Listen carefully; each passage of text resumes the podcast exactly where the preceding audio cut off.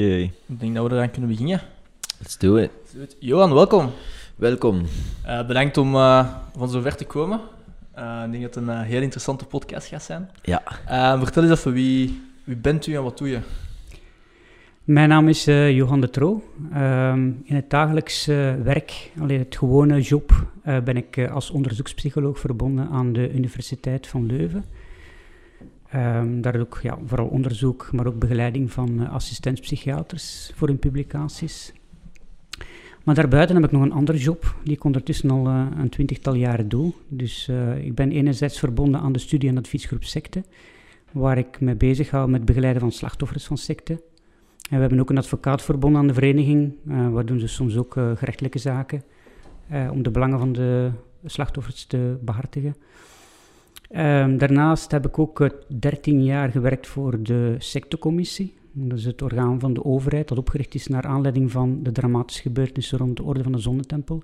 En dat is een commissie die zich uh, vooral bezighoudt met het um, focussen op de secten die aanwezig zijn in België en meer bepaalde schadelijke secten uh, die een gevaar vormen voor het individu, voor de samenleving. Ja, Orde van de Zonnetempel? Ja. Dat is dan? Dat zijn, uh, in de jaren negentig uh, zijn er een aantal uh, collectieve zelfdodingen, maar zet die zelfdodingen maar tussen haken, want de meeste mensen zijn gewoon vermoord geweest. Mass murder. Ja, inderdaad. die plaatsgevonden hebben in Frankrijk, in Canada en in Zwitserland. En een aantal van die slachtoffers waren Belgen. Ook een van de leiders, Luc Jouret, was een geneesheer die ook van Belgische origine was. Dus de overheid begon zich vragen te stellen van, ja, oei, um, er zijn Belgen bij betrokken. Zijn er nog andere secten in België die gevaarlijk zijn? En uh, hoe moeten we dat dan aanpakken? Uh, om zodanig dat die dramatische gebeurtenissen niet meer kunnen plaatsgrijpen. Ja. En dan tenslotte heb ik ook nog uh, ook 13 jaar les gegeven aan politiemensen, een nationale rechercheschool. om de mensen wat meer vertrouwd te maken van wat zijn nu eigenlijk secten, hoe uh, gaan die te werk? Wat zijn die mechanismen? En uh, ja, hoe moet je met slachtoffers omgaan? Hè? Want het probleem met heel wat slachtoffers was ten eerste, ze durven niet gaan naar de politie. En als ze dan naar de politie gaan, ja, dan worden ze al de helft van de keren uh, niet serieus behandeld. Hè? Ehm, ja. Vooral vrouwen die seksueel misbruikt zijn geweest, ja, dat is dan van, ja, maar ja, je hebt daar toch mee geslapen met die guru. Uh, hoe kan die nu seksueel misbruiken? Of, of bijvoorbeeld, ze hebben hun bezittingen weggegeven. Ja, maar je hebt dat papier toch ondertekend? Maar ze hebben dan geen besef over de, het emotionele klimaat die mensen zodanig kan brengen, de, de manipulatietechnieken die Mind gebruikt games. worden, ja, die mensen zodanig kunnen brengen tot, tot dingen te doen um, die ja, normaal mensen niet meer zouden doen. Dus om inzicht te geven, wat zijn de psychologische processen die daarbij spelen, zodanig dat ze die slachtoffers op een betere manier kunnen begeleiden. En je hebt zelf ook in een secte gezeten, hè? Ik heb zelf ook een secteervaring uh, bij de Getuigen van Jehovah. Ik heb tien jaar uh, Getuige van Jehovah geweest. Dus het is een beetje een vreemd verhaal bij mij geweest. Ik ben van slachtoffer dan helemaal in het andere uh, gerold, van het een naar het ander. Dus, Had je toen al gestudeerd? Of... Ik was aan het studeren. Ja. Uh, dus godsdienstpsychologie dan? Ik heb eerst psychologie gedaan ja. en dan specialisatie godsdienstpsychologie, maar ik heb dan daarna uh, vergelijkende godsdienstwetenschappen gedaan. Maar dus tijdens mijn studies psychologie, ik zat toen nog mijn, in mijn uh, tweede kan, dat ik in contact gekomen ben met de getuigen van Jehovah. Um, en ja, het was nooit de bedoeling om getuige van Jehovah te worden. Uh, maar ik was altijd geïnteresseerd in, in godsdiensten en, en ik stel hem ook heel veel vragen bij, bij de wereld, hoe de wereld draait. En volgens mij, ja, als jongeling toen, ja, um, draaide die niet goed. En ik had daar mijn bepaalde idee over. En toen kwamen de getuigen van Jehovah aan de deur en die ideologie die ze verkondigden, die sloot heel goed aan bij, bij de manier waarop ik naar de wereld keek. Ja, en, en toch tien jaar gedaan, hè? En zeg toch tien jaar ja. gedaan, ja, ja. Tien jaar, wauw. Ja. Wat is dan de schakel geweest om eruit te stappen? Wel, eigenlijk ben ik wel altijd een beetje een ambetante getuige van Jehovah geweest, in die zin van dat ik altijd wel ben blijven nadenken. Dus uh, heel wat mensen verliezen dat uh, kritische aspect van nadenken. Dat wordt ook binnen secten in het algemeen um, ja, kapot gemaakt op een of andere manier. Men gebruikt bepaalde technieken om dat kritisch denken uit te schakelen. En bij mij is het altijd blijven spelen. En het kernmoment dat bij mij um, de twijfels weer naar boven heeft toen laten komen, dat ik gezegd heb van nu moet ik die twijfels een keer te gronden uitzoeken, um, was dat ik uh, een meisje leerde kennen die geen getuige was van Jehovah. En bij de getuigen van Jehovah ben je eigenlijk, men zegt niet dat men verplicht is om te trouwen met iemand Mhm. die getuige van Jehovah is, maar eigenlijk komt het erop neer, men zegt dat men moet huwen in, eh, in de naam van de Heer. Dus dat wil dus zeggen dat je eigenlijk wel moet huwen met iemand die ook getuige van Jehovah is, omdat anders wordt het, wordt het een heel moeilijke affaire. Eh, als jij getuige bent en de andere niet, eh, dat, dat gaat sowieso kapot lopen. Dus daarom dat ze aanmoedigen van toch contact hebben met iemand die, ja, of te trouwen met iemand die zelf getuige is. En er is heel wat weerstand op, op, opgekomen. Zover dat ik, ehm, dat ik naar boven moest komen, noemden we dat. Dat was ergens een kamertje boven aan de Koninkrijkszaal. Dat zijn de kerken van de getuigen van Jehovah. En dan verschijn je voor een aantal ouderlingen. De ouderlingen zijn zo de priesters in de kerk, eh, met hun bijbels. En waarbij ze dus een uur en een stuk eh, beginnen te zeggen van wat je allemaal verkeerd doet. Oh, dat klinkt zo Eh, raar. het, ja. Ja. ja. Ja, maar ja, als je daar natuurlijk in ja, zit, is, ja. Is en iets je bent echt overtuigd nog van, van ja, je gelooft in God en, en, en, en je wilt ook God op de goede manier dienen. Ja. Ehm, en dat ze dan ja, eigenlijk al de nefaste dingen vertellen van, eh, en dat ik totaal psychologisch kapot naar beneden kwam. Ehm, en eh, toen had ik zoiets van, eh, ik kreeg een week bedenktijd om de relatie te verbreken of, of te behouden. Maar ja, als ik de relatie zou behouden, dan zou ik sociaal getekend worden. Dat wil dus zeggen dat je nog wel naar de vergadering mag komen, je mag nog wel aan de activiteiten deelnemen, maar je mag niet meer ehm, aangename sociale activiteit met andere leden hebben. Dat wordt je Dus een dan ontnomen. Sociaal eh, isolement. eh, Een soort bij van sanctie Ja, voilà. eigenlijk. Dat is ook manipulatie, toch? Dat is ook manipulatie, Ja. uiteraard. Dat is, eh, dat is een aantal- aantal technieken. Want dat zou je dan niet kwijt willen, dus dan ga je toch beter je best doen. Ja, maar ze gaan natuurlijk het zo niet, nooit niet verkopen. Dat is binnen, binnen secte Nee. is dat typisch dat dat op een andere manier wordt. Eh, want eigenlijk is het, zijn het de behoeders van het, van het geloof. En ze willen eigenlijk dat je ook in het hiernamaals komt. Alleen in het, paradijs, zoals zij geloven, in het aardse paradijs. Dus eigenlijk is het een teken van liefde. Ze willen je eigenlijk helpen. Maar in, in principe is dat gewoon, in essentie, is dat gewoon een soort van ja, indoctrinatietechniek. Hè.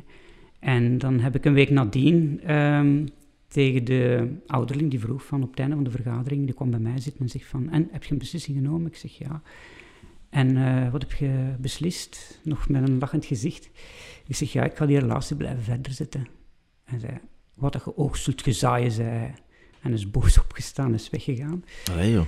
En ehm, ja, op die moment had ik zoiets van, nu ga ik de twijfels die ik altijd al gehad heb, eh, en die ik ook besproken had met hun, maar ze zijn altijd wel tegenargumenten, ben ik dan gaan beginnen uitzoeken. Ik ben echt gaan in de archieven gaan opzoeken van, eh, van universiteiten, ehm, want heel veel van de ideologie van de getuigen, alleen de essentie van de ideologie van de getuigen is gebaseerd op archeologische elementen, maar ze hebben dat op een, op een ehm, verkeerde manier geïnterpreteerd eigenlijk. En dan ben ik echt naar die afschriften van die oorspronkelijke tabletten gaan, gaan zoeken. Ehm, en dan ook vastgesteld van, dit klopt niet wat dat ze mij allemaal gezegd hebben. En omdat dat de essentie is, viel heel die ideologie als een kaart naast in elkaar. En wist ik van, ja, ik moet hier, eh, ik moet hier weg. Want, Wat is, eh, wat is bijvoorbeeld zo'n een, een bepaald ding dat ze hebben veranderd in de ideologie?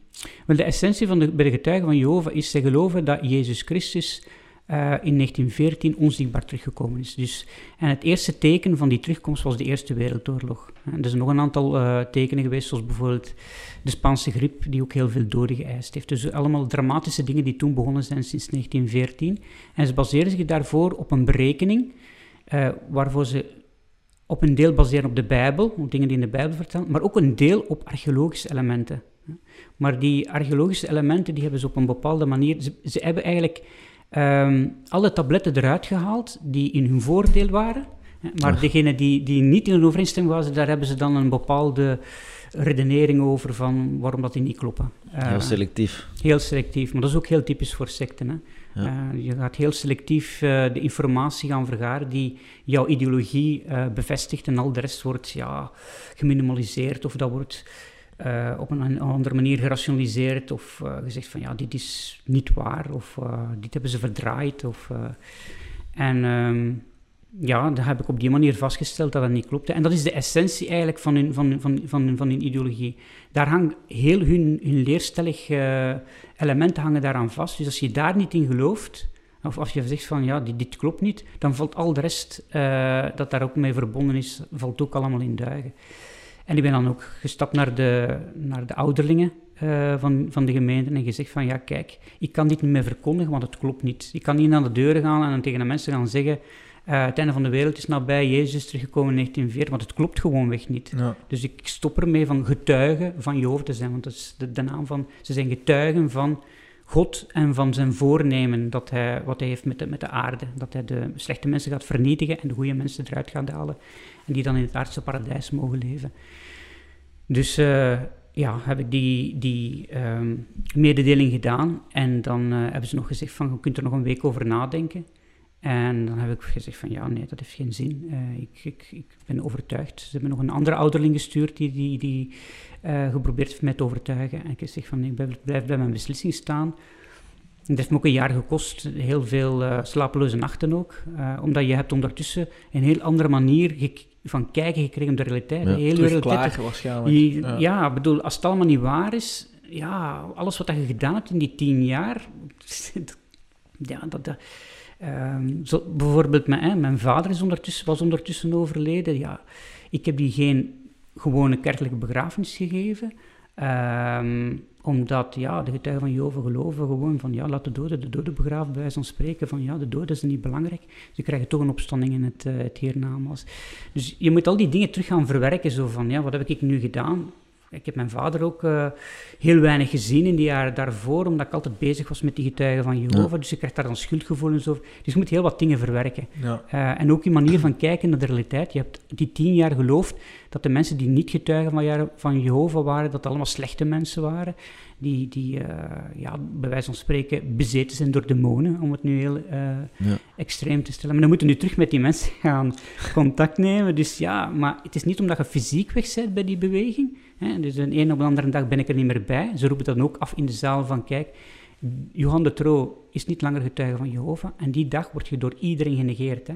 Door, door getuigen van Jehovah. Je bestaat niet meer. Hè? Je bent de uitschot. Je bent een hond die tot zijn uitbraakster is teruggekeerd. Hè? Zo, Zo, wordt het zwaar. letterlijk gezegd. Je bent ongedierte dat moet uitgeroeid worden. Dat, zo staat het letterlijk in de literatuur. Hè? Ja. En heb je dan, f- f- ik neem aan dat je wel vrienden hebt gemaakt daarin, in die tien jaar, of niet? Of heb je dat altijd wel gescheiden wel, gehouden? Ik heb, ik heb mijn, ja, maar ik heb mijn vrienden vooral gehouden. eh, ik heb wel natuurlijk wel hele fijne mensen leren kennen. Ja, dat was dan ook gedaan. Eh, maar mijn vrienden die ik had, die heb ik behouden. Omdat ik altijd zoiets had van, goed, de getuigen van Jehovah zeggen altijd van, de Bijbel is het belangrijkste. Je moet ons niet geloven. Eh, je moet altijd gaan kijken of het klopt wat er in de Bijbel staat. En ik heb altijd gezegd van, wat is er mis met mijn vrienden? Oei. ja, Ja. en ja, dat was niks met vrienden. Het is niet omdat je geen getuige van Job bent, een slechte mens bent. Hè? Mm. Dus als jij mij kunt bewijzen aan de hand van de Bijbel, ja, dan zeg je dat slechte omgang bederft nuttige gewoonte, zeggen ze dan. Zo'n tekst bijvoorbeeld. Maar wat is slechte omgang? Zeg, voor mij is dat geen slechte omgang. Ik bedoel, ik ben, ik ben, ik ben niet beginnen... Ja, ik heb nooit gedronken, ik heb nooit gerookt. eh, ik heb nooit geen dingen gedaan eh, ja, die, die, die slecht waren.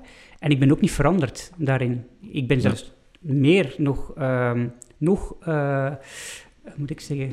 ehm, eh, authentieker geworden in, in het leven door, door getuige van Jehovah te worden. Dus ik ben Ja. eigenlijk gewoon beter geworden. eh eh, allee, voor, voor een bepaald stuk. Want achteraf gezien dan weet je van dat er bepaalde dingen waren die, ja, die, niet, die ethisch niet oké waren. En waar ik ook al wat, wat, wat, wat vragen bij had. Ik, herinner, ik herinner me bijvoorbeeld een moment op het einde van de vergadering. Dan gaat iedereen rond en dan ga je een hand geven. Hè, tot morgen of, of Ja. tot volgende week. En dan was er iemand waarbij ik bij kwam die ik een hand wou geven. En ik kende die niet, die kende mij ook niet, maar die deed zo. En dan komt direct een ouderling bij mij en zegt van, je mocht die niet aan, je mocht die geen hand geven. Dat is een uitgeslotene.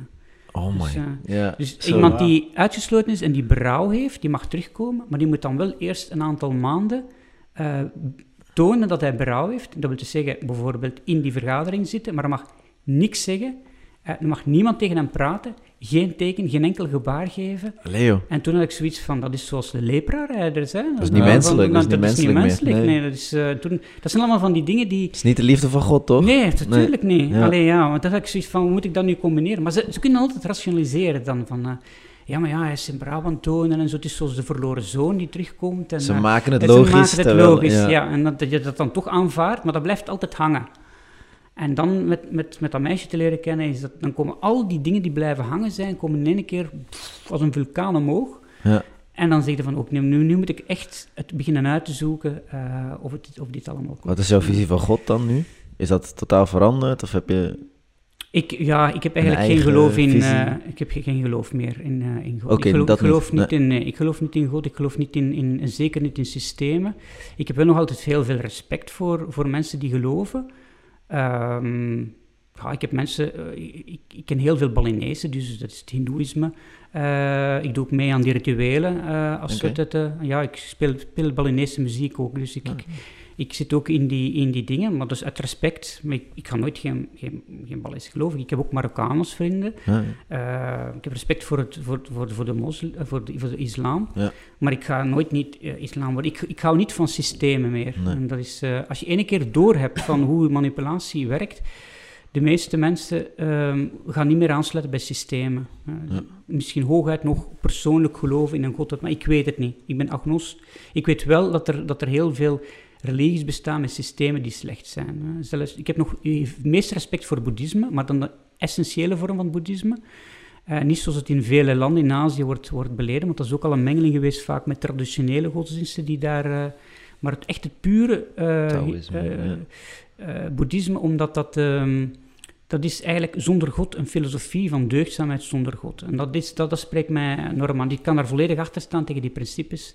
Maar als die in systemen toegepast worden, dan zijn er zelfs boeddhisten die het ook misbruiken en, en dat op een verkeerde manier toepassen. Dus het is meestal, het, wanneer het in een systeem gegoten wordt, dat het dan verkeerd loopt. En zijn er aspecten van eh, de getuigen van Jehovah die overeenkomen met Scientology bijvoorbeeld? Of... Oeh, dat zijn nu twee verschillende extremen bij elkaar. Eh, dat zijn alle twee, zijn alle twee sectes.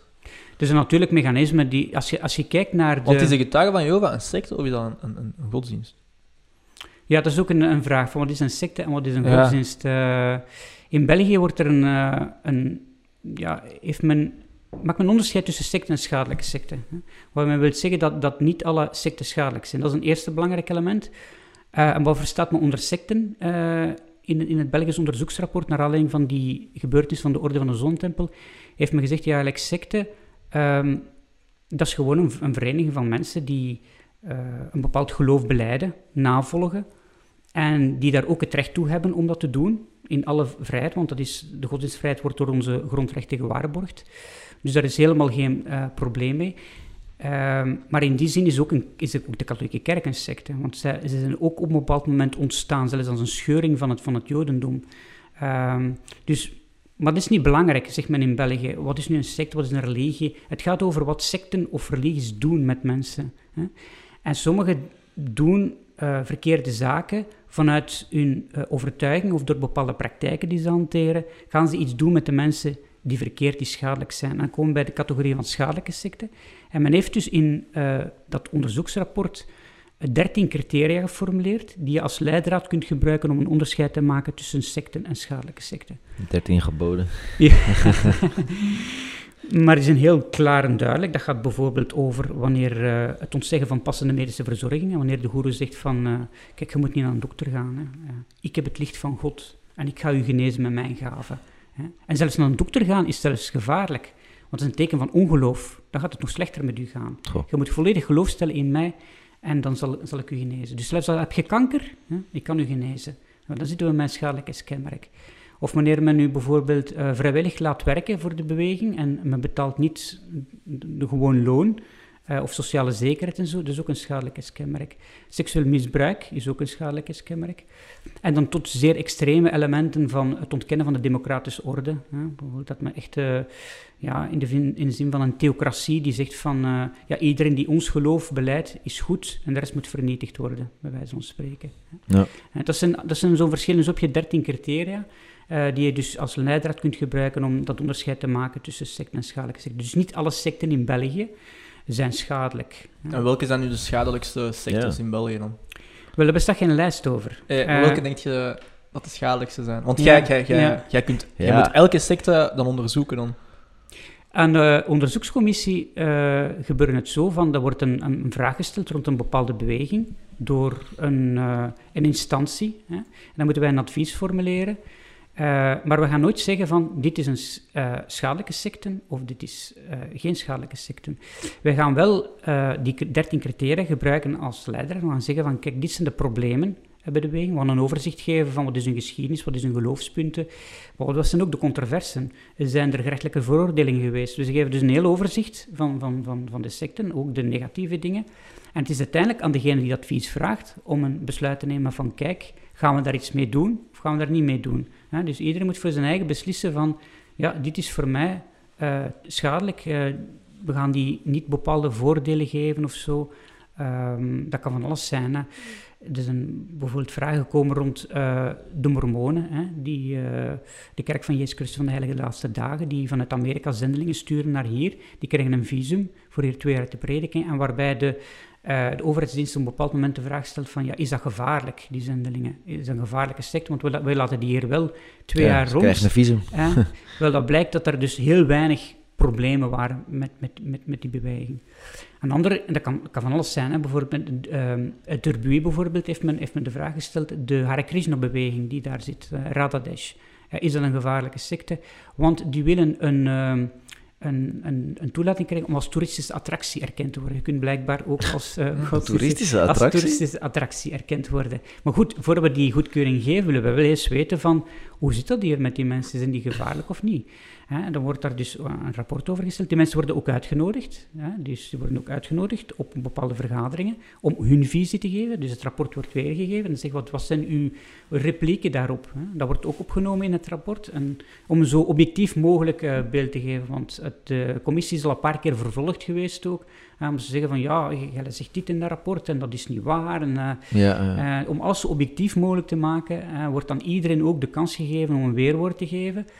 En uh, ik moet zeggen, die rapporten zijn zeer secuur opgesteld, zeer op objectieve uh, bronnen. Als het niet objectief wordt, dat er ook bijgezet van het zijn getuigenissen, maar we kunnen de, ja, uh, de, de, bronnen zijn altijd vermeld ook heel sterk. Dus de commissie is uiteindelijk nooit veroordeeld geweest, wel al verschillende keren aangeklaagd geweest, omdat het ja, op een heel secure manier te werk gegaan wordt. En wat zijn dan de gevaarlijkste in de geschiedenis van België? Dat, dat kunnen we misschien wel al analyseren. De gevaarlijkste, ja, de gevaarlijkste zijn bijvoorbeeld uh, ja, uh, de Orde van de Zonnetempel is natuurlijk een, ja. uh, een zeer dramatische Wat deden hun juist? Geweest. Wat deden hun juist? Ja, zij geloofden ook dat, ehm, dat er op een bepaald ogenblik de uitverkorenen zouden meegaan naar, in de ruimte, naar Sirius, naar een ster in het heelal, waar ze als hemelse wezens zouden voortleven. En uh, ja, er wordt bijvoorbeeld ook geloofd op een bepaald moment dat ze zouden vervolgd worden en dat ze hun lichaam zouden moeten afleggen, zoals eh, de Heaven's Gate secte in Amerika. Ja. Uh, hun lichaam is materieel ja, afvallen en, moet, ja, en dat, ja. dat de ziel dus dan daar kan gaan. Maar um, ja, op een bepaald moment is dat op allerlei manieren verkeerd gelopen. Um, ze, werden, ze werden onder druk gezet, achtervolgd wat door de, door de politie ook. En dan heeft, men dan heeft de leider ook een bepaald mechanisme in gang gezet van eerst de verraders, zogezegd de verraders, uit te schakelen. Op een zeer uh, gruwelijke manier, tot zelfs uh, kinderen toe, uh, die omgebracht werden. En dan... Ehm, en vervolgens, ja, de mensen die, wat men zei, de uh, de mensen die niet, allez, die wel overtuigd zijn, maar die een beetje moeten geholpen worden, omdat ze een beetje bang zijn, bij wijze van spreken, geholpen ja. worden. Ja, die werden dan ook gewoon allemaal neergeschoten en uh, ook in brand gestoken. En dat waren dan natuurlijk de mensen die, die echt overtuigd waren van, van, van het geloof. Dat, waren dan de laatste, dat was de laatste fase dan. Um, die dan zelf... Uh, het, het, mechanisme waren altijd hetzelfde. Hè? Dus uh, iemand schiet de ander neer, schiet zichzelf neer en heeft een automatisch ontstekingsmechanisme uh, met brandversnellende materialen aangebracht. En uh, op een bepaald moment telefoneert iemand van, van ergens waardoor het mechanisme in gang gestoken wordt en dan pff, alles in brand en, en iedereen dood bij ons spreken. Dus dat is bijvoorbeeld een, maar je hebt dan af en toe iets... ja, uiteraard, ja. Maar als je weet van, als je de... Ja, voor buitenstaanders is het vaak zoiets van ja, dat is toch onverstaanbaar. Uh, bijvoorbeeld zo'n dingen, of bijvoorbeeld als we het terug hebben over de getuigen van Jehovah, van waarom laten die hun kinderen sterven door het weigeren van bloedtransfusies. Hè? Ze zijn tegen bloedtransfusies. Hè? Uh, als als zo'n kind in een situatie komt van, dat ze zeggen van ja, jij moet een bloedtransfusie krijgen of je, of je, gaat, uh, of je gaat sterven. Ja, in Amerika is er geloofsvrijheid tot in het extreme. Dus die kinderen daar, die hebben geen enkele bescherming en die zijn ook overtuigd van, die zijn overtuigd van ja, als ik een bloedtransfusie krijg, dan zal ik nooit in het, zal ik nooit in het aardparadijs komen. Eh, dan zal ik voor eeuwig en altijd vernietigd worden. Dus ja, het is beter om nu eventjes dood te gaan. Allee, te slapen noemen ze dat dan. En om dan wakker te worden in het aardse paradijs. Eh, en dan mensen de vraag stellen, maar hoe kunnen die ouders dat nu toelaten? Ja. Ze- Dan moeten toch slechte ouders zijn? Nee, dat zijn geen slechte ouders. Die willen ook het beste voor hun kinderen hebben. Hè? Eh, maar ze zijn zo overtuigd, men noemt dat, men is een fase gekomen van het doctrinaire denken. Dat wil dus zeggen, een denken waarbij de doctrine boven alle menselijke eh, ervaringen te boven gaat. Dus ehm, als je in zo'n situatie komt van, van een kind dat een bloedtransfusie moet krijgen, dan ga je zeggen, nee, nee, het bloed is heilig, we mogen dat gebod niet overtreden. Ja, we moeten ons kind even laten gaan. Ze geloven dus dat het is is een echt- teken van, ja. ja. dat is een teken van, van, van liefde, hè? Ja. Waarom ze dat doen. Dat zijn geen slechte ouders, hè? Maar ze zijn overtuigd. Gelukkig hier in, in België staan we een beetje verder dan in Amerika op dat gebied. En er zijn er bepaalde reglementeren- reglementeringen, eh, waarbij wanneer zo'n kind in zo'n situatie terechtkomt, dat de, de ouders eh, tijdelijk uit hun ouderlijke macht kunnen ontzet worden en dat het dan de overheid is Ah, die eh, de dingen overneemt en het kind toch de noodzakelijke eh, behandeling kan toedienen. Dus je hebt in verschillende Europese landen waar zo'n reglementering bestaat, waardoor kinderen beschermd worden. Gelukkig. Gelukkig, ja. Ja. Zijn er nog zo van die, ja, ik, wil- ja gekke, ex- extreme sectes? Nou, weten. zijn, eh, ik heb zelf een persoonlijke eh, een secte van in het begin meegemaakt. ehm, waar, we noemen dat de sectemoord. Is, eh, er is een, een hele reportage rond de kroongetuigen geweest daaromtrent. Eh de secte van Drazen Zabek, dat was een, een Kroaat die hier terechtgekomen was en die in het Antwerpse hier als standbeeld eh, eh, een beetje geld bij verdiende. Zo. Ehm, maar die eh, ook bezig was met zijn ideologie te verkondigen. Dat was een soort van psychotherapeutische secte. Ehm, dus dat zijn secten die een bepaalde techniek propageren eh, om jezelf te zuiveren, om, om, eh, ehm, ja, een bepaald niveau te kunnen bereiken, zodanig dat je vooruit komt in je geestelijke ontwikkeling. En ze hadden daarvoor bepaalde rituelen ontwikkeld, dat in het begin heel rustig verliep. Eh, er werd zachte muziek opgezet, er werd een beetje geklopt op eh, iemand, geroffeld, eh, noemde, om de slechte energieën weg te werken.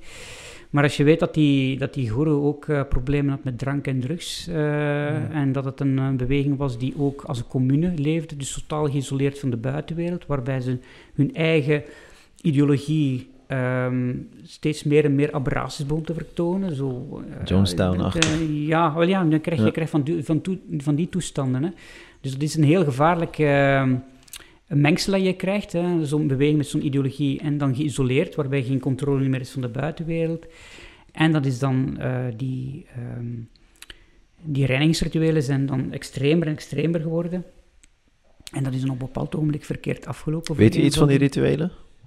Eh, ja, dus eh, de, rituelen die bestonden uit het... eh, je, wordt dan vastgehouden. eh, sommige mensen beginnen te, roffelen op jou. Er is een bepaalde muziek die dan opgezet wordt. Ehm, maar dat, dat ging ook met, met slagen gepaard. Soms zover dat... eh, of heel, heel veel drinken. Soms zo ver drinken dat je totaal bewusteloos was. En dat je niet meer wist wat je, wat, wat je overkwam. En op een, op een avond is er zo iemand binnengekomen. Die moest dan van de goeroe ook als standbeeld gaan spelen in, eh, in Antwerpen. En hij vond dat ze... Ze had dus niks binnengebracht. En het was juist de periode van kerstmis en nieuwjaar, waar de mensen nogal heel gul zijn. Dus dat, dat verdient blijkbaar heel goed. oh, dus die staan effectief als standbeeld gekleed. ja, standbeeld gekleed, Oké, ja, echt ja, zo. Ja, Ah, ja, als standbeeld, ja, ja, ja. En eh, ja, je kunt gemakkelijk eh, met zo'n dagen 200, 250, 300 euro op Mm, een, een dag... eh, Oh. Ja, je kunt heel goed... Een nieuw beroep verdienen. gevonden. Ja. Maar ja, in die periode natuurlijk. en de periode, kerstperiode, waar de mensen nogal Ja. eh, gul zijn. En ze was teruggekomen, zonder iets. En eh, ja, de goede vond dat het een keer tijd was, dat ze een keer goed, want dat, dat was eh, ook iemand die altijd voor problemen zorgde binnen de beweging en zo. Ze moest een keer een, een goede ritueel ondergaan en eh, hij is door het lint gegaan. Ehm, hij heeft daar gewurgd en met dingen beginnen te kloppen op haar, op haar, eh, op haar hoofd. En eh, Allee, ja. ja, dus... eh, Is gestorven? Of? ja, ze lag daar Ja. en eh, hij zei van ja, leg ze maar apart, zegt ze, en ze is een samadhi. Samadhi wil zeggen een andere bewustzijnstoestand. en ja, er waren heel veel die daar... Op het moment dat het gebeurde, uh, waren er mensen bij die zeiden van, is die bezig, wat doet hij nu? Maar zijn uitleg dan van, ja, was redelijk aannemelijk, want er waren nog mensen die in het verleden ook buiten buisswem waren geweest en zo. Ja, zit daar een koptelefoon op met meditatieve muziek, ze zal wel terug ontwaken. Maar ja, na een paar dagen begon, begon dat lijk natuurlijk uh, te, te, rekenen. En dan hadden ze door van, ja, die, die, die, die gaan niet meer wakker worden. Hè. En dan, ja, dan moesten ze zoeken, wat gaan we daar nu mee doen? Ja, ja dan verschillende voorstellen. Ja, we moeten naar Frankrijk rijden, we smijten naar in een kloof. Ja, nee, we smijten naar voor de trein. Ja, nee. Uh, had iemand voorgesteld, we zullen naar in een tuin begraven, waar ze de villa huurden. En uh, hebben ze een diepe put gegraven. Uh, dat was dus in de winter, dus dat heeft dagen geduurd ja. voor het Harde grond, diepe, ja. ja. voilà. En dan, um, ja, dan is die moeder op, opgedoken. Die zegt van, ja, ik heb niks meer gehoord van, van mijn kind. Ze zegt, ah ja, maar die is gaan lopen met een taxichauffeur, met een Marokkaanse taxichauffeur, was een relatie mee had. En we weten niet waar ze is. Uh, en er waren geen bewijzen of niks, dus uh, dat is dan maanden voortgegaan. Tot op een bepaald moment dat die guru uh, op een bepaald moment besloot van een vrouw die hij vroeger leerde kennen en die ergens in Nederland zit, zei van die vrouw, die moet mijn vrouw worden, zegt hij. En we gaan naar schaken. Dus dat wordt ook allemaal, dus typisch uh, binnen secte, er wordt een, een ander taalgebruik. We gaan niet zeggen, we gaan ze ontvoeren. Nee, hij gaat zijn volgelingen zeggen, we gaan ze schaken zoals een ridder die zijn prinses gaat halen. Jullie zijn mijn Om het goed te praten, zeg maar. Ja, ja. ja, dus voor het, voor het, voor het aannemelijk te maken. die vrouw wordt ontvoerd.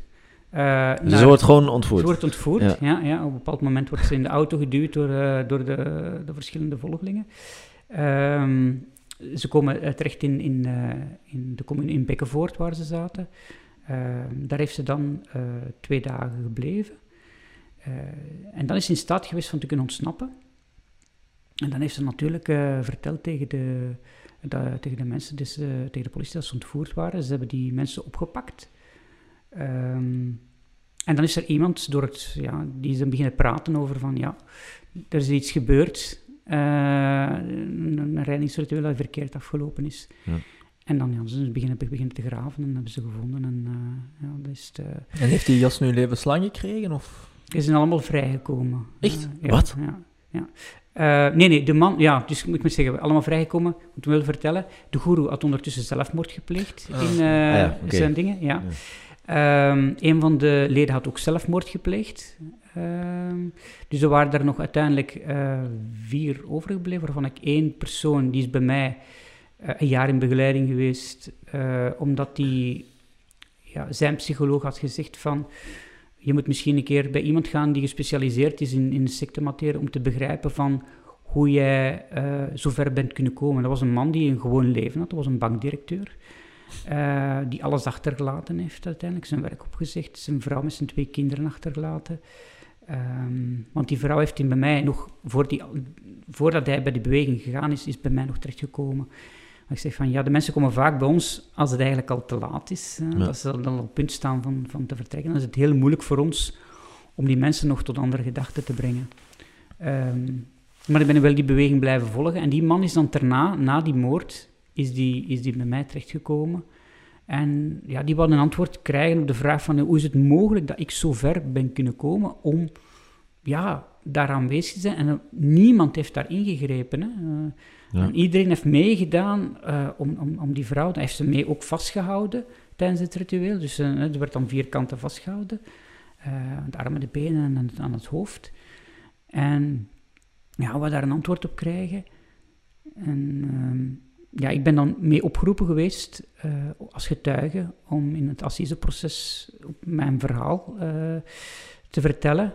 Ik heb altijd gezegd natuurlijk tegen hem van kijk, uh, ik geloof heel sterk in ehm, dat je verantwoordelijkheid moet dragen voor je daden.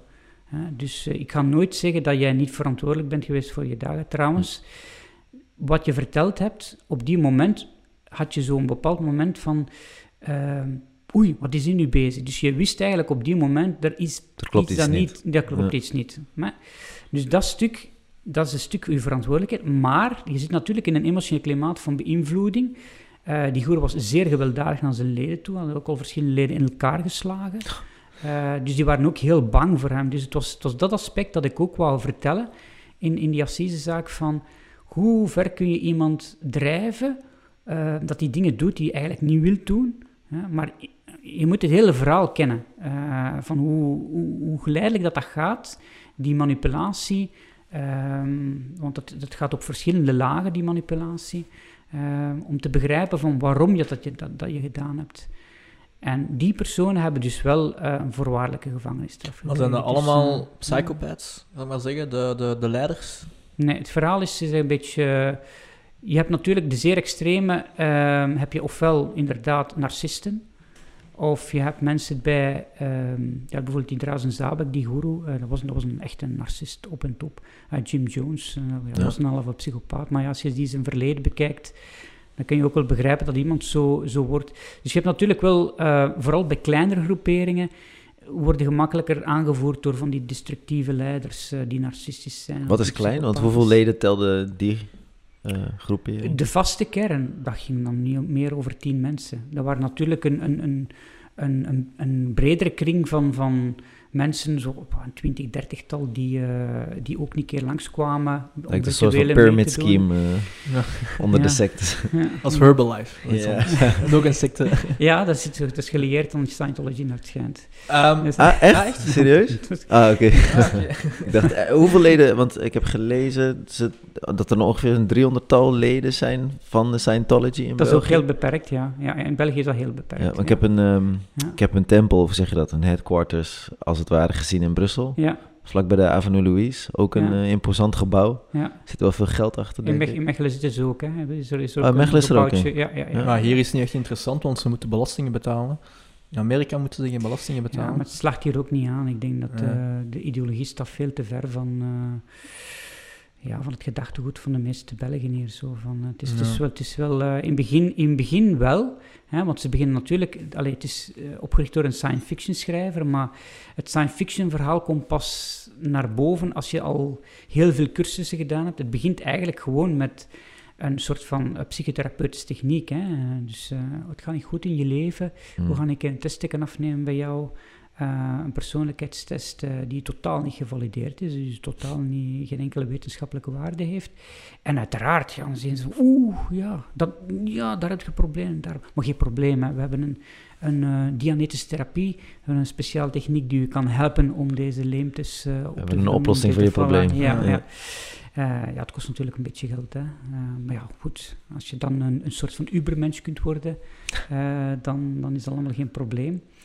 Eh, en het is pas nadat je al eh, vele duizenden euro's eh, uitgegeven hebt aan cursussen, dan kom je, heb je, krijg je in één keer het verhaal dat, van, van, dat Ro- Ron Hubert gecreëerd heeft over een of andere boze intergalactische heerser die ehm, ja, daar in een opstand eh, ehm, de goeden eh, verzameld heeft, die er in een vulkaan gesmeten heeft, eh, waarbij de Thetans, de zielen, zijn vrijgekomen en zich end hebben op ons, met al hun problemen ook. wat, eh, die ook moeten gezuiverd worden van, van, van, van, die, van die problemen. Dus Goed we boek wel, denk ik. Ik denk dat dat wel een goed boek is, denk ik. Bestseller Ik waarschijnlijk. als schrijver voor Marvel. Hij, Maar die was onsuccesvol, hè? Voor jaren. Totdat hij dat één boek heeft uitgebracht. en toen dacht hij, hier ga ik als geld mee pakken. Ja. Het was, het was, eh, ja, het was niet dat hem helemaal onsuccesvol was, maar hij was ook niet heel succesvol. Ja, nee. Het was zo gewoon... Ja, Dianetics is dan... eh, dat is ook voor, voor mij het enige echte leesbare boek van, van Scientology. Ehm, de rest is... eh, ja, ik heb heel, heel, heel de bibliotheek van Scientology bij mij thuis staan. Want ze hebben ooit zo'n een, een actie ondernomen waarbij ze gratis aan de bibliotheken in, in, in België heel hun... eh, corpus Och. hebben gegeven. En daar waren er een paar bij van die zeiden van, ja, we moeten dat niet hebben. Die mij ook Ja. bellen van, zeg, eh zit je geïnteresseerd? Eh, Ik zeg, oh ja, kom, geef, geef me die boeken maar. Ehm, maar eh, ik vind die niet allemaal... eh Nochtans, ze zijn zeer succesvol op het gebied van eh bedrijfsleiding. hè. Hm. Want je hebt hier in Mechelen Human Belgium, hè, eh, dat een, eh, een opleidingsbedrijf is die cursus aanbiedt aan, aan bedrijven voor een beter functioneren in het bedrijf te hebben, om eh, een betere manager te zijn en, dergelijke. En ehm, er is een, een bepaald jaar geweest, eh, 2006 geloof ik, dat ze de meeste opleidingschecks hadden binnengerijfd. Hè. En als je weet dan eh, dat... eh, dat een stuk van die gelden dus doorgesluist worden naar het moederbedrijf. En ze hebben lang ontkend, Human Belgium, dat ze iets met Scientology te maken hadden. Ja, dat is gewoon een tak van. Bij, dat is gewoon een tak van. Ja. Dat is heel typisch aan, aan, aan, aan, aan secten, grote secten. Zo van, ze richten allerlei uh, nevenorganisaties op met een andere naam, zodanig dat het voor de buitenstaanders niet meteen duidelijk is over, over wat het gaat. Dat gaat over daar, daar is een stuk over in mijn boek over het verborgen gevaar. Eén aspect van het verborgen gevaar zit, zit daarin. En men noemt dat camouflageorganisaties. Hè. Men camoufleert eigenlijk eh, het profiel van de beweging door andere organisaties. Ze zijn eigenlijk veel groter dan je denkt dat ze zijn. Ja, ja, ja, uiteraard. Wat is de grootste secte in België? De grootste secte in België. Ja, het is weer wat er verstaat onder uh, secte en onder secten. Hè. Dus, ja.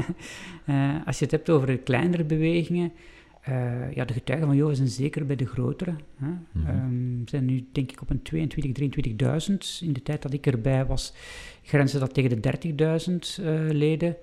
De Mormonen zijn bijvoorbeeld met een, een, een, uh, een 5... 5000 leden. Ah, toch zoveel in België? ja, ja, ja. ja, ah, ja, ja, ja, ja, ja, Wow. Mijn jeugdvriend was ook mormoon, dus ik ken mormonen wel, wel leren kennen op die manier. Heb je die documentaire gezien op Netflix? Uh, de documentaire over... De Mormons. Uh, er was daar ergens een, ja, een bommelding of zo, bom, bom ontploft in een huis of zo. Ah, nee. Pakketjes. Ja, dat is, lang, dat is twee jaar geleden uitgekomen of zo. Ah, nee, dus, dus nu op dingen, want ik heb daar ook een, een na de filmvoorstellingen een duiding bij gegeven. Dus er is ook een film over de Mormonen ah, okay. verschenen, over de zendelingen. Van hoe dat, ja, hoe dat die zendelingen... Ze volgen die mensen dan en zien hoe weinig succesvol dat, dat, dat heeft, of, of, hoe dat daar ook mee gelachen wordt met die mensen. Ah, wacht, uh, deze, deze was, het was uh, iemand dat heel veel verkocht aan de leiding van de Mormons, maar dat waren zo geschriften. En hij zei dat dat geschriften waren, originele geschriften, ja. maar hij vervalste die gewoon. Van het, van het boek, ah, het verhaal van, ja. van Jozef Smit, die zo gezegd ja, uh, de, platen van, de gouden platen van de engel Moroni had gekregen, met het nieuwe evangelie van Jezus, die ook in Zuid-Amerika was verschenen. Dat dat hem in in, uh, in Israël was verschenen, is hij ook nog uh, daar verschenen aan, aan, de lokale bevolking uh, in Zuid-Amerika. En dat is de verslagen daarover, over, over die volkeren. Um, heb jij Charles Manson een beetje onderzocht of niet? Charles Manson, je kent die verhalen wel, maar ja. Ja. niet specifiek. Want daar willen ze ook hebben dat de FBI in die tijd een LSD-experiment deed. Hm. Hetzelfde met de Unabomber, dat ze willen zeggen, op uh, Harvard, denk ik dat was. En um, dat het daardoor is losgeslagen eigenlijk. Dat ze op Charles Manson ja. LSD-experimenten gedaan hebben. Want drugs is meestal een, een, terugkerend fenomeen in de kleinere sectes, denk ja. ik dan. Dat kan, dat hangt ook een beetje af van, van de ideologie van de secte. Je hebt soms echt drugsgerelateerde secten, je hebt er in België ook, hè, uh, die ayahuasca gebruiken of iboga gebruiken. Dat zijn van die uh, verruimende middelen om ja, dichter bij God te komen. Uh, je hebt hier een Braziliaanse secte, hè, hier in, uh, in het Brusselse, uh, die hun rituelen doen. Het is een erkende beweging in Brazilië zelf, die bestaan okay. al honderd jaar.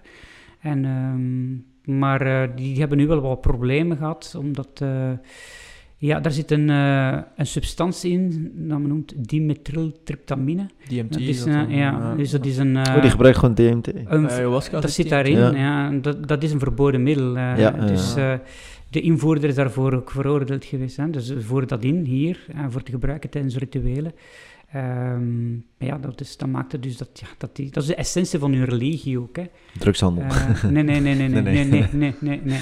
Nee, want is het, uh, ik zeg het, het is, uh, ja, je hebt vroeger ook, het is, je kunt een beetje vergelijken met, met de shamanen van vroeger, hè, ja. die ook middelen gebruikten. Mm -hmm. Dus eigenlijk is het een georganiseerde religie die, die dat middel gebruikt in rituelen op een gestructureerde en begeleide manier. Dus dat had niks te maken met, met, uh, met drugshandel. Dat was een geloof van, zoals de shamanen hun geloof hadden, van ja, als ik die middelen gebruik, kom ik gemakkelijker in de geestenwereld terecht, kan ik kennis opdoen, ik kan het hier gebruiken om mensen te helpen.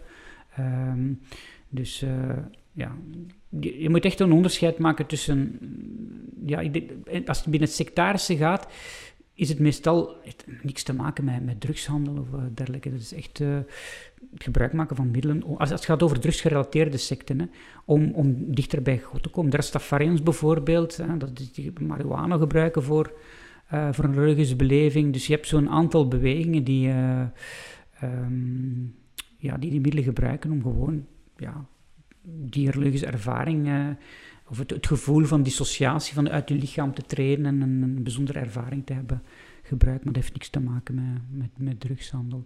En uh, bij sectes nu, is dat ook niet zo het gevoel, ook van, van vroeger, mensen hebben altijd het gevoel van we willen ergens bij horen, maar meer en meer in deze maatschappij hebben we niet echt het gevoel dat we ergens bij horen.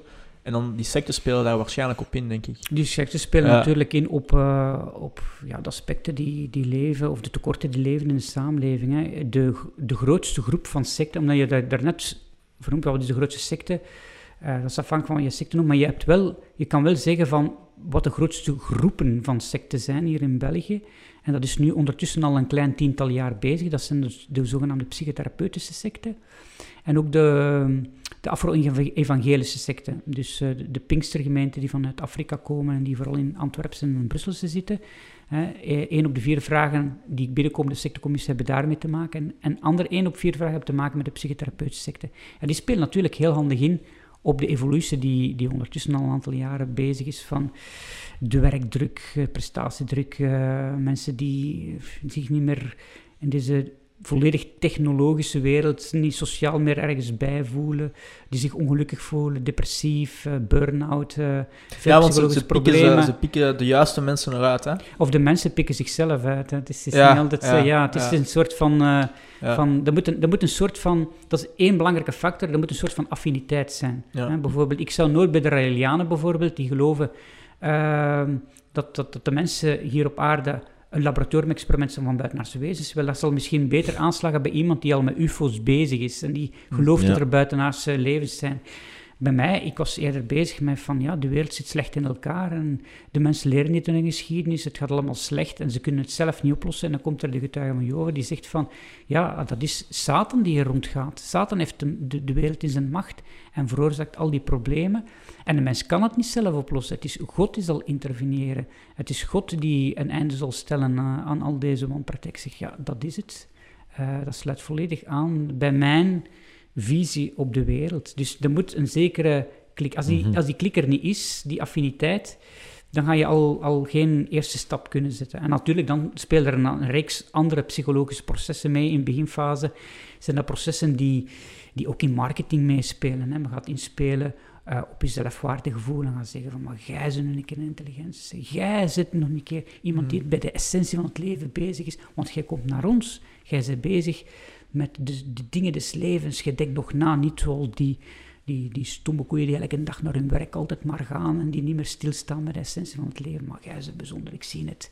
Uh, dus Heel hoog we, EQ, waarschijnlijk dan die leiders, of niet? Ja, uh, dat is natuurlijk, ja, het is wel zo dat mensen die, uh, je moet zeker manipulatieve vaardigheden ook hebben uh, om, eh, om maar daar heb je ook een verschil in, want er is een, een Amerikaanse socioloog die daar ook onderzoek over gedaan heeft, want mensen stellen zich, vraag, stellen zich vaak de vraag van, zijn die mensen nu bewust, weten die bewust waar ze mee bezig zijn? Mm. Dat ze zeggen van, ik begin een secte en ik ga mensen, ik ga macht krijgen, ik ga vrouwen krijgen, ik ga veel geld krijgen en ik ga gewoon een secte oprichten. Of zijn dat mensen die beginnen met een bepaalde beweging, vanuit een ideologie die ze hebben, en dat ze overtuigd zijn dat ze echt de waarheid hebben, en ze willen andere mensen ook overtuigen dat dat echt de waarheid is, en dan technieken toepassen, niet omdat ze mensen willen kapotmaken, maar omdat ze zo overtuigd zijn van hun eigen gelijk, dat ze alle mensen ten alle kosten ook willen overtuigen van, van, van, van die overtuiging. Ja, en macht dus... ook waarschijnlijk. Hè? Als je een keer macht krijgt, mensen veranderen als ze macht Mensen kunnen ook veranderen, ja. Dus natuurlijk nog, nog een grijze zone van mensen die, die, goede bedoelingen beginnen en die dan bijvoorbeeld Jim Jones uh, Power hungry. in het begin en die dan, dan, een, dan, dan een soort van concentratiekamp creëert. Maar in het begin was het dan opkomen voor de zwarte bevolking in Amerika en zo. Dus dat was, ja, dat was meer een sociaal gerichte beweging met, met goede bedoelingen. Maar dan ja, bedoel, die man was ook niet helemaal goed bij zijn zin, had ook een heel traumatische ervaring meegemaakt. Hij was ja, waarschijnlijk een echte psychopaat, een narcist.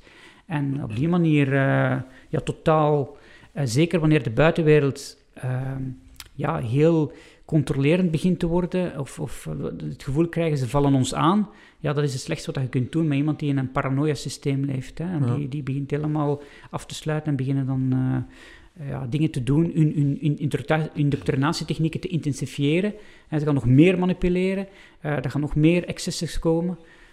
Maar dan blijkt uit het onderzoek dat dus het, het, het vooral 50-50 is. Hè. Je hebt de helft van de mensen die echt een secte beginnen van het overtuiging van ik wil macht hebben, Mhm. en ik wil geld hebben eh, of andere voordelen. Ehm, en aan de andere helft die gewoon ja, perplex stonden wanneer die onderzoeker kwam met die zei, ja, dat zijn eigenlijk indoctrinatietechnieken die je toepast. Oei, ik wist niet. Ik was gewoon overtuigd van mijn, van, van mijn geloof en ik wou dat gewoon die andere mensen ook dat geloof eh, ja, hadden. En ja, ik zag dat niet als manipulatie. Dus het is zo... eh, dus ook niet iedereen, bijvoorbeeld de getuigen van Jova, als ik daar terug over kom, eh, die leiding, eh, die zijn echt overtuigd van hun, over, van, van hun geloof. Ja. Dat zijn geen mensen die die beweging begonnen zijn vanuit met het idee van ik wil die mensen eh, manipuleren, ik wil de mensen geld eh eh, aftrollen. Ehm, dat helemaal niet. Dus op dat gebied is dat een zeer eerbare beweging. Eh, maar je hebt de andere bewegingen die ja, dit verkeerd zijn. Dus het is, het is eigenlijk... eh, Twee- ja, het, het, het verhaal wat mensen vaak willen maken van secten, van de typische stereotype beeld. Hè. Secten zijn altijd slecht, secten manipuleren altijd mensen, me- altijd uitbuiten, altijd slechte leiders. Dat is niet waar. Hè. Het, is, het, is, eh, het verhaal is veel genuanceerder dan dat. Eh, Oké, top. Ehm, we zijn al 45 minuten bezig. Ga snel. Dus ehm, ik wil u bedanken om te komen. Ik vond het eh, heel interessant. Ja. graag gedaan. Eh, Merci voor de uitnodiging. Ja, gedaan. Jij hebt ook een boek geschreven, hè? Ja, En eh, het boek noemt het verborgen gevaar. Het Verborgen Gevaar. Ja. En dat gaat dan over de sectes in België. Dat gaat over de sectes in België en vooral Ja. vanuit het aspect van... ehm, dus enerzijds het verborgen gevaar dat secten infiltreren in de samenleving. Hè, dus je kan secten overal terugvinden, in, in scholen, in bedrijven, in weet ik waar. Omdat zij een totaalvisie hebben op het leven. Ze zeggen niet alleen wat je moet doen om gered te worden, maar ze gaan ook zeggen van hoe je je leven moet leiden. Hè, hoe je je kinderen moet opvoeden, hoe je een bedrijf moet runnen... ehm, enzovoort. Ze, gaan, ze hebben allerlei ideeën over verschillende aspecten. Dat verklaart waarom ze op verschillende terreinen zitten. En een tweede belangrijk aspect van het, van het verborgen gevaar is... ehm, er is heel veel aandacht geweest de laatste jaren met, met de radicaliseringsproblematiek, waar ik ook mee bezig geweest ben. Ik heb ook een aantal projecten daarmee bezig geweest. Eh, dat ging vaak gepaard met terroristische aanslagen. Dat is zeer manifest aanwezig voor, voor, eh, voor de samenleving. hè, bomaanslagen. Ehm, terwijl bij secten gaat het vaak over verborgen gevaren achter de gesloten deuren. Mensen weten vaak niet wat er gebeurt achter de Hm. gesloten deuren. En vooral kinderen zijn, zijn, zijn een zwaar, kunnen zwaar slachtoffer zijn. Dus ook dat aspect eh, van dat verborgen gevaar, wat er gebeurt achter de gesloten deuren, vooral bij kinderen, eh, wordt ook in, in, het, in het boek vermeld. En het is een boek voor iedereen. Ehm, het is niet een, eh, een droog opsomming van, van, van, van, van feiten. Het is een mengeling van verhalen en dan geduid met, eh, ehm, met, met een beetje theorie van, van wie komt er nu in een secte, hoe werken secten, wat zijn de mechanismen, maar ook met, aan de hand van verhalen, zodat de mensen ook een stuk eh, mee zijn van eh, hoe werkt dat eigenlijk, eh, illustratief met, met, met, eh, met bepaalde personages, bepaalde verhalen die ik meegemaakt heb in die twintig jaar. Interessant. heel. Interessant, top. Eh, zeker kopen, dat boek. Ehm, Zeker. Koop. Veilig thuis. Ja, Ja, om nog van... eh, ja, graag gedaan. Merci. Merci. yes.